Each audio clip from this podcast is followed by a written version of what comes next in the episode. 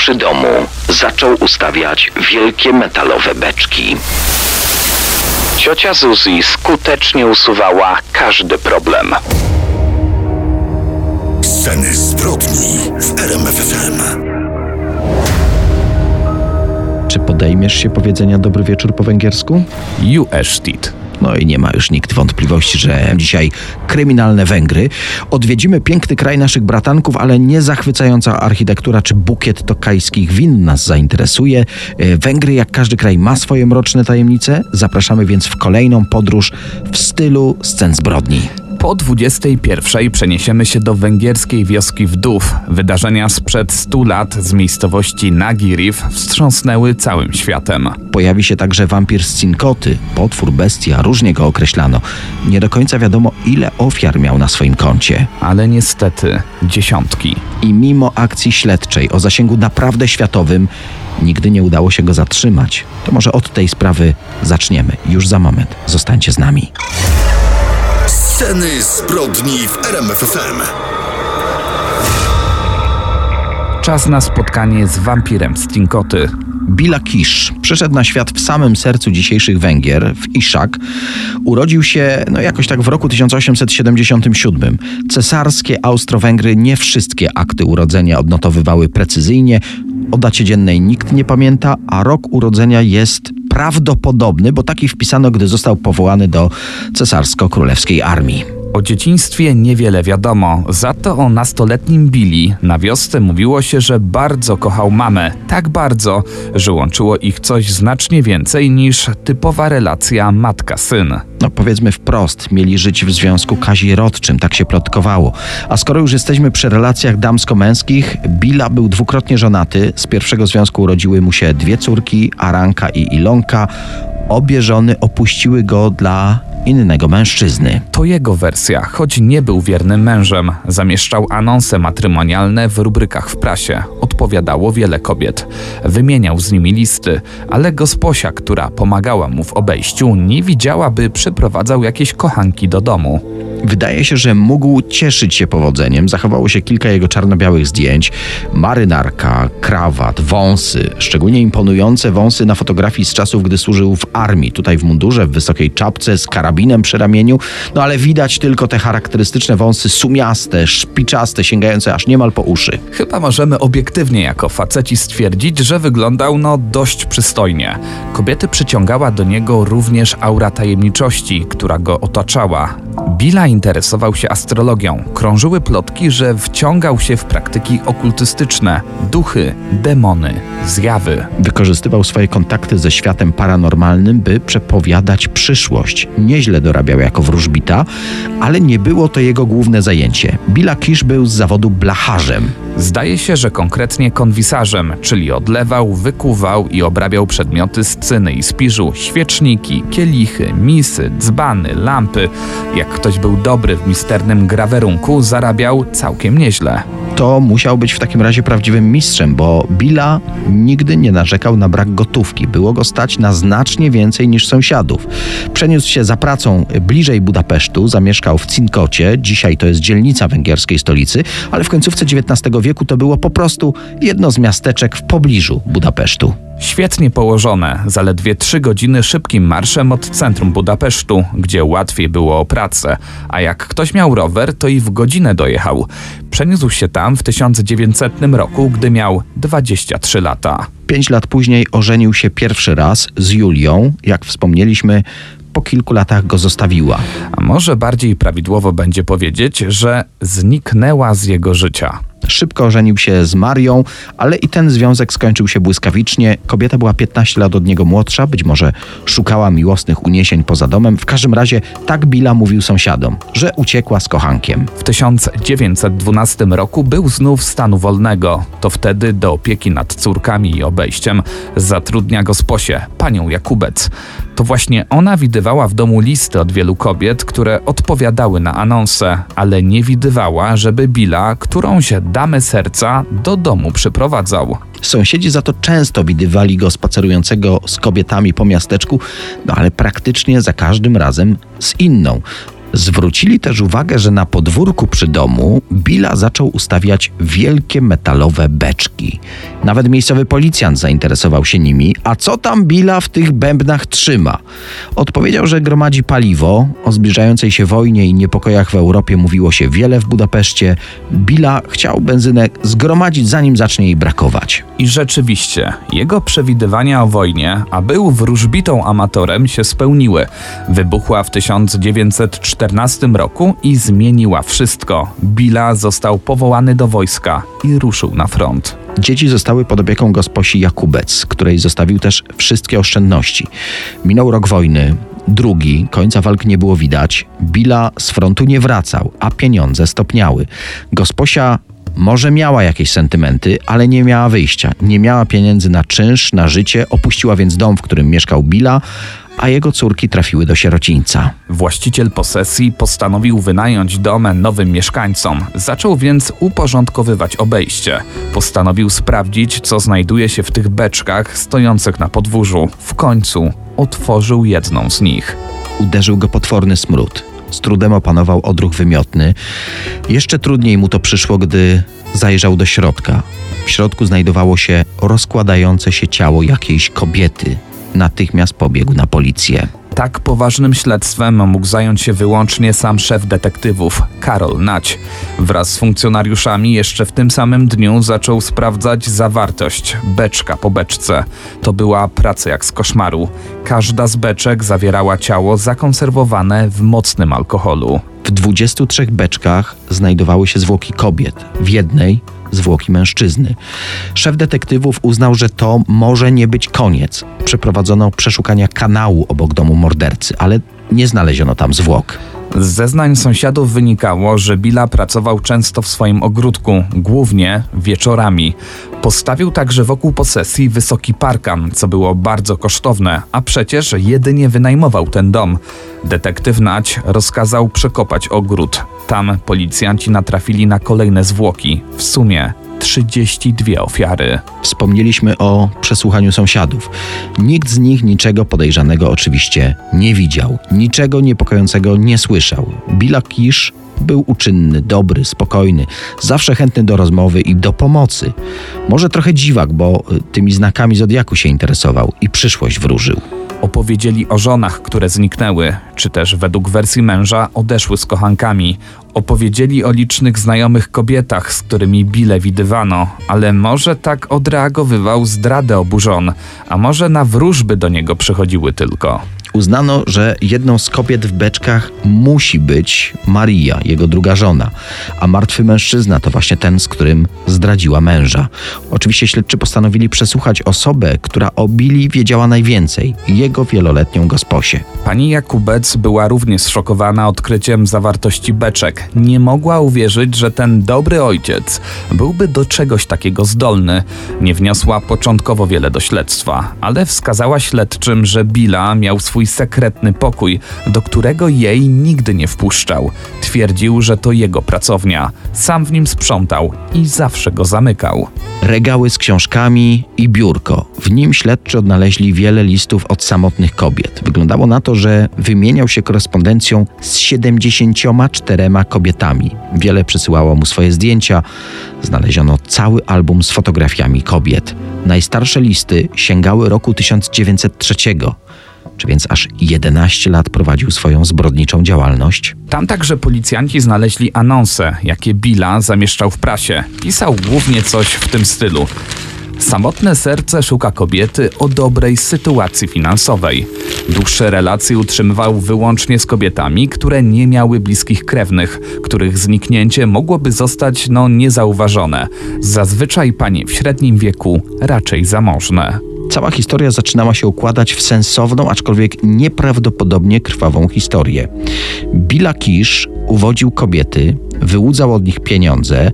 Jedna z nich sprzedała nawet swój zakład krawiecki, który świetnie prosperował, by przeprowadzić się do swojego przyszłego, ukochanego męża. Gdy miał już ich majątek, kochanki mordował. Przeprowadzone sekcje zwłok wykazały, że ofiary dusił, a przed śmiercią jego kochanki zostały brutalnie wykorzystane seksualnie.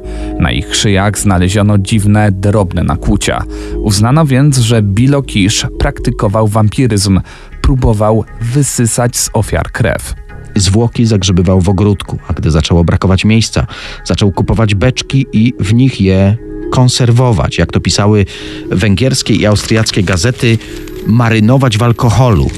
A pisały o nim niemal wszystkie poczytne dzienniki. Po tych ustaleniach, pod presją prasy, detektywi wiedzieli, że muszą odnaleźć sprawcę. Choć wiedzieli, że trwa wojna, a podejrzany walczy gdzieś na froncie.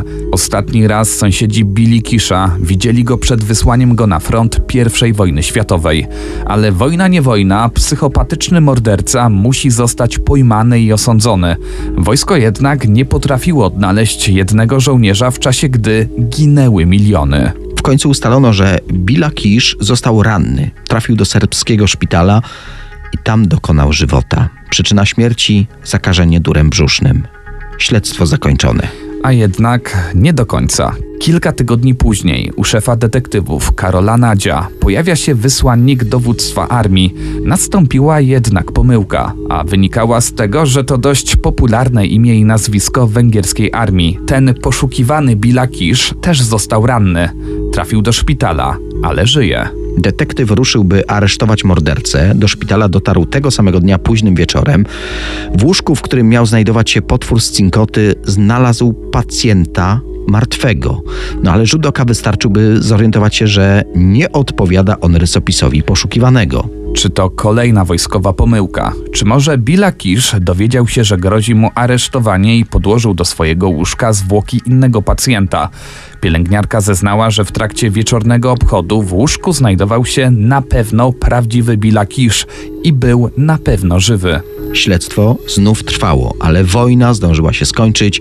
Żołnierze wrócili do domów, jednak nie Billa Kisz. Nie odwiedził również córek w przytułku. Tam policjanci się go spodziewali. Kolejne tropy okazywały się prowadzić donikąd. Koledzy z wojska mówili, że zmarł na żółtą febrę w Turcji, że trafił za włamanie do więzienia w Rumunii, że zamienił się tożsamością z martwym żołnierzem nazwiskiem Makari.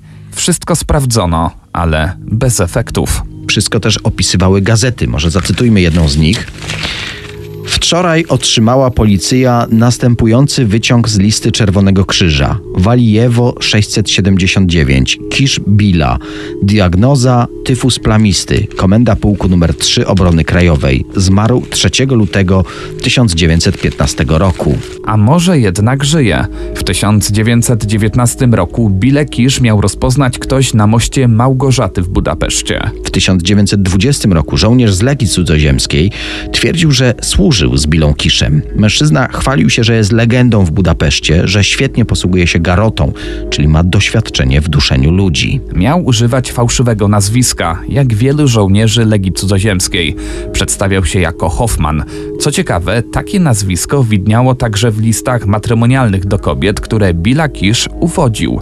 Policja węgierska znów miała trop procedury, to jednak się przeciągało. W końcu uzyskali międzynarodowy nakaz aresztowania, ale gdy w końcu mogli go aresztować, Billa Kiszwel Hoffman zdezertorował z Legii Cudzoziemskiej. Kolejny wiarygodny trop pojawił się na początku lat 30. Policjant, który miał fotograficzną pamięć, zauważył go na nowojorskim Times Square. Udało się ustalić, że pracuje jako złota rączka, dozorca w jednym z budynków. I znów policja przybyła na miejsce, ale blisko 60-letni wówczas Kisz, dozorca, nagle zniknął. Czy to był on? Czy podróżował po całym świecie, uciekając przed karzącą ręką sprawiedliwości? Czy gdzieś jeszcze mordował kobiety?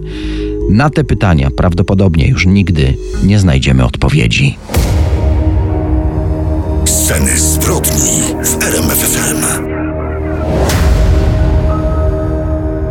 Przenosimy się do miejscowości Nagiriv nad rzeką Cisa, wsi oddalonej o dwie godziny jazdy samochodem od Budapesztu. Południowo-wschodnia część kraju. Dzisiaj mieszka tutaj około 1400 osób. Zapewne niewielu słyszało o tej miejscowości położonej na uboczu wśród węgierskich równin, gdzie dominuje rolnictwo. Raczej nie jest to cel wakacyjnych wypadów. Prawdopodobnie oprócz odnowionych elewacji domów, niewiele zmieniło się tutaj od 1911 roku, kiedy rozpoczyna się nasza historia. Wtedy do Nagirif, będącego częścią Cesarstwa Austro-Węgierskiego, przyjeżdża położna Zuzanna Fozekusz. Kobieta zajmuje się też ziołolecznictwem. Tajemnicą Poliszynela jest to, że usuwa niechciane ciąże. Sama nazywała się fabrykantką aniołów. We wsi nie ma lekarza, nie ma posterunku policji, dlatego Zuzanna bardzo szybko staje się lokalnym autorytetem, a jak pokaże historia, również i wyrocznią. Życiorys położnej owiany jest gęstą mgłą tajemnicy. Kobieta, która rywalizowała z nią o względy pewnego mężczyzny, nagle podupadła na zdrowiu i umarła. Jej mąż również odszedł w bardzo tajemniczych okolicznościach, zostawiając po sobie godny majątek. Wielokrotnie stawała przed sądem za przeprowadzanie nielegalnych aborcji, ale ówczesne sądy przymykały na to oko i nigdy nie usłyszała wyroku. W 1914 roku oczywiście wybuchła pierwsza wojna światowa, nazywana przez ówczesnych Wielką Wojną. Świat, jaki znali Europejczycy, monarchie, które rządziły kontynentem, to wszystko miało wkrótce runąć jak domek z kart. Dla małego Nagi Reef ta geopolityczna zawierucha również miała swoje konsekwencje. Zdrowi mężczyźni z wioski ruszyli na front, walczyć za cesarstwo Franciszka Józefa. Tym samym wszystkie obowiązki związane z opieką nad dziećmi i starszymi, a także uprawą roli spoczęły na paniach. Wiele mieszkanek Nagiryw nie rozpaczało z takiego obrotu spraw. W większości małżeństwa były wówczas aranżowane. Związki miały charakter kontraktowy, a ich zadaniem było tak naprawdę powiększenie gospodarki. Dlatego próżno szukać tam miłości. Małe potomstwo, niedołężni starsi, wymagający ciągłej troski. Ten rodzinny ciężar dla wielu kobiet był przytłaczający. No ale z pomocą przychodziła wówczas ciocia Zuzi, jak ją nazywano, Zuzanna Fozekosz. Położna pokazała, jak z powszechnie dostępnego lepu na muchy można uzyskać czysty arszenik. Wystarczyło pasek takiego lepu zanurzyć w wodzie, a po chwili arszenik został wypłukiwany. Potem wystarczyło tylko zlać do fiolki kropelki trucizny. Dodatkowo bardzo pomocna ciocia Zuzi dokładnie tłumaczyła, jak dawkować arszenik i do czego dodawać, aby wszystko wyglądało na ostrą chorobę żołądka, która powoli zabija ofiarę. Tak w wiosce Nagiryw zaczęli nagle umierać schorowani teściowie, rodzice, niechciane dzieci, którym trudno było zapewnić odpowiedni byt. To był niestety dopiero początek koszmaru, który rozegrał się w małej węgierskiej wiosce niewiele ponad 100 lat temu. Gdy mężowie walczyli na froncie za austro-węgierską monarchię, niedaleko wsi Nagiriv utworzono obóz jeniecki dla włoskich żołnierzy, a ci mieli sporą swobodę, dlatego często zwiedzali okolice. Tak zaczęły zawiązywać się intymne relacje między osamotnionymi kobietami i wojakami z południa. Szarmanccy dżentelmeni z Włoch, będący przeciwieństwem mężów, którym lokalnym kobietom wybierali rodzice, szybko zdobywali serca węgierskich niewiast. To w konsekwencji prowadziło do ciąż, z którymi w razie potrzeby w wiadomy sposób zajmowała się Zuzanna Fozekosz, ciocia Zusi. W końcu w 1918 roku I wojna światowa się zakończyła, włoscy jeńcy dotarli do swojej ojczyzny, a węgierscy żołnierze wrócili z frontu. W domu zastawali czasem nie swoje dzieci. Wielu mężczyzn straciło na wojnie zdrowie, obrażenia fizyczne, traumy psychiczne. To powodowało coraz większe konflikty i domową przemoc. Mężczyźni zamiast zająć się pracą, topili swoje smutki w alkoholu. Dodatkowo w kraju panował potężny kryzys gospodarczy. Domowe obowiązki często nadal spoczywały więc na barkach kobiet. No i stare demony wróciły do mieszkanek Nagiryw i to ze zdwojoną siłą. Dlatego po pomoc zwracały się panie znowu do Zuzanny Forzekosz. Ona wiedziała, jak skutecznie ciąć wydatki domowego gospodarstwa. Za opłatą wręczała fiolkę arszeniku, którego mały zapas zwykle nosiła w swoim płaszczu. Radziła, ile kropel dodawać do zupy, do wina czy do kawy. I tak po kilku tygodniach nieszczęśliwa żona stawała się wolną wdową. Pierwsze zabójstwo przeszło bez kary, dlatego zmęczone rzeczywistością sąsiadki również postanowiły wziąć los fatalnego partnera w swoje ręce. Śmierć zmęczonego życiem mężczyzny, nadużywającego alkoholu, skarżącego się na problemy z żołądkiem nie dziwiła absolutnie nikogo, dlatego morderczy proceder trwał w najlepsze. Tak powstał, no nazwijmy to, syndykat wdów pod przewodnictwem Esztery Szabo. Kobiety spotykały się pod pozorem wspólnej pracy, podczas której przygotowywały kolejne dawki trucizny.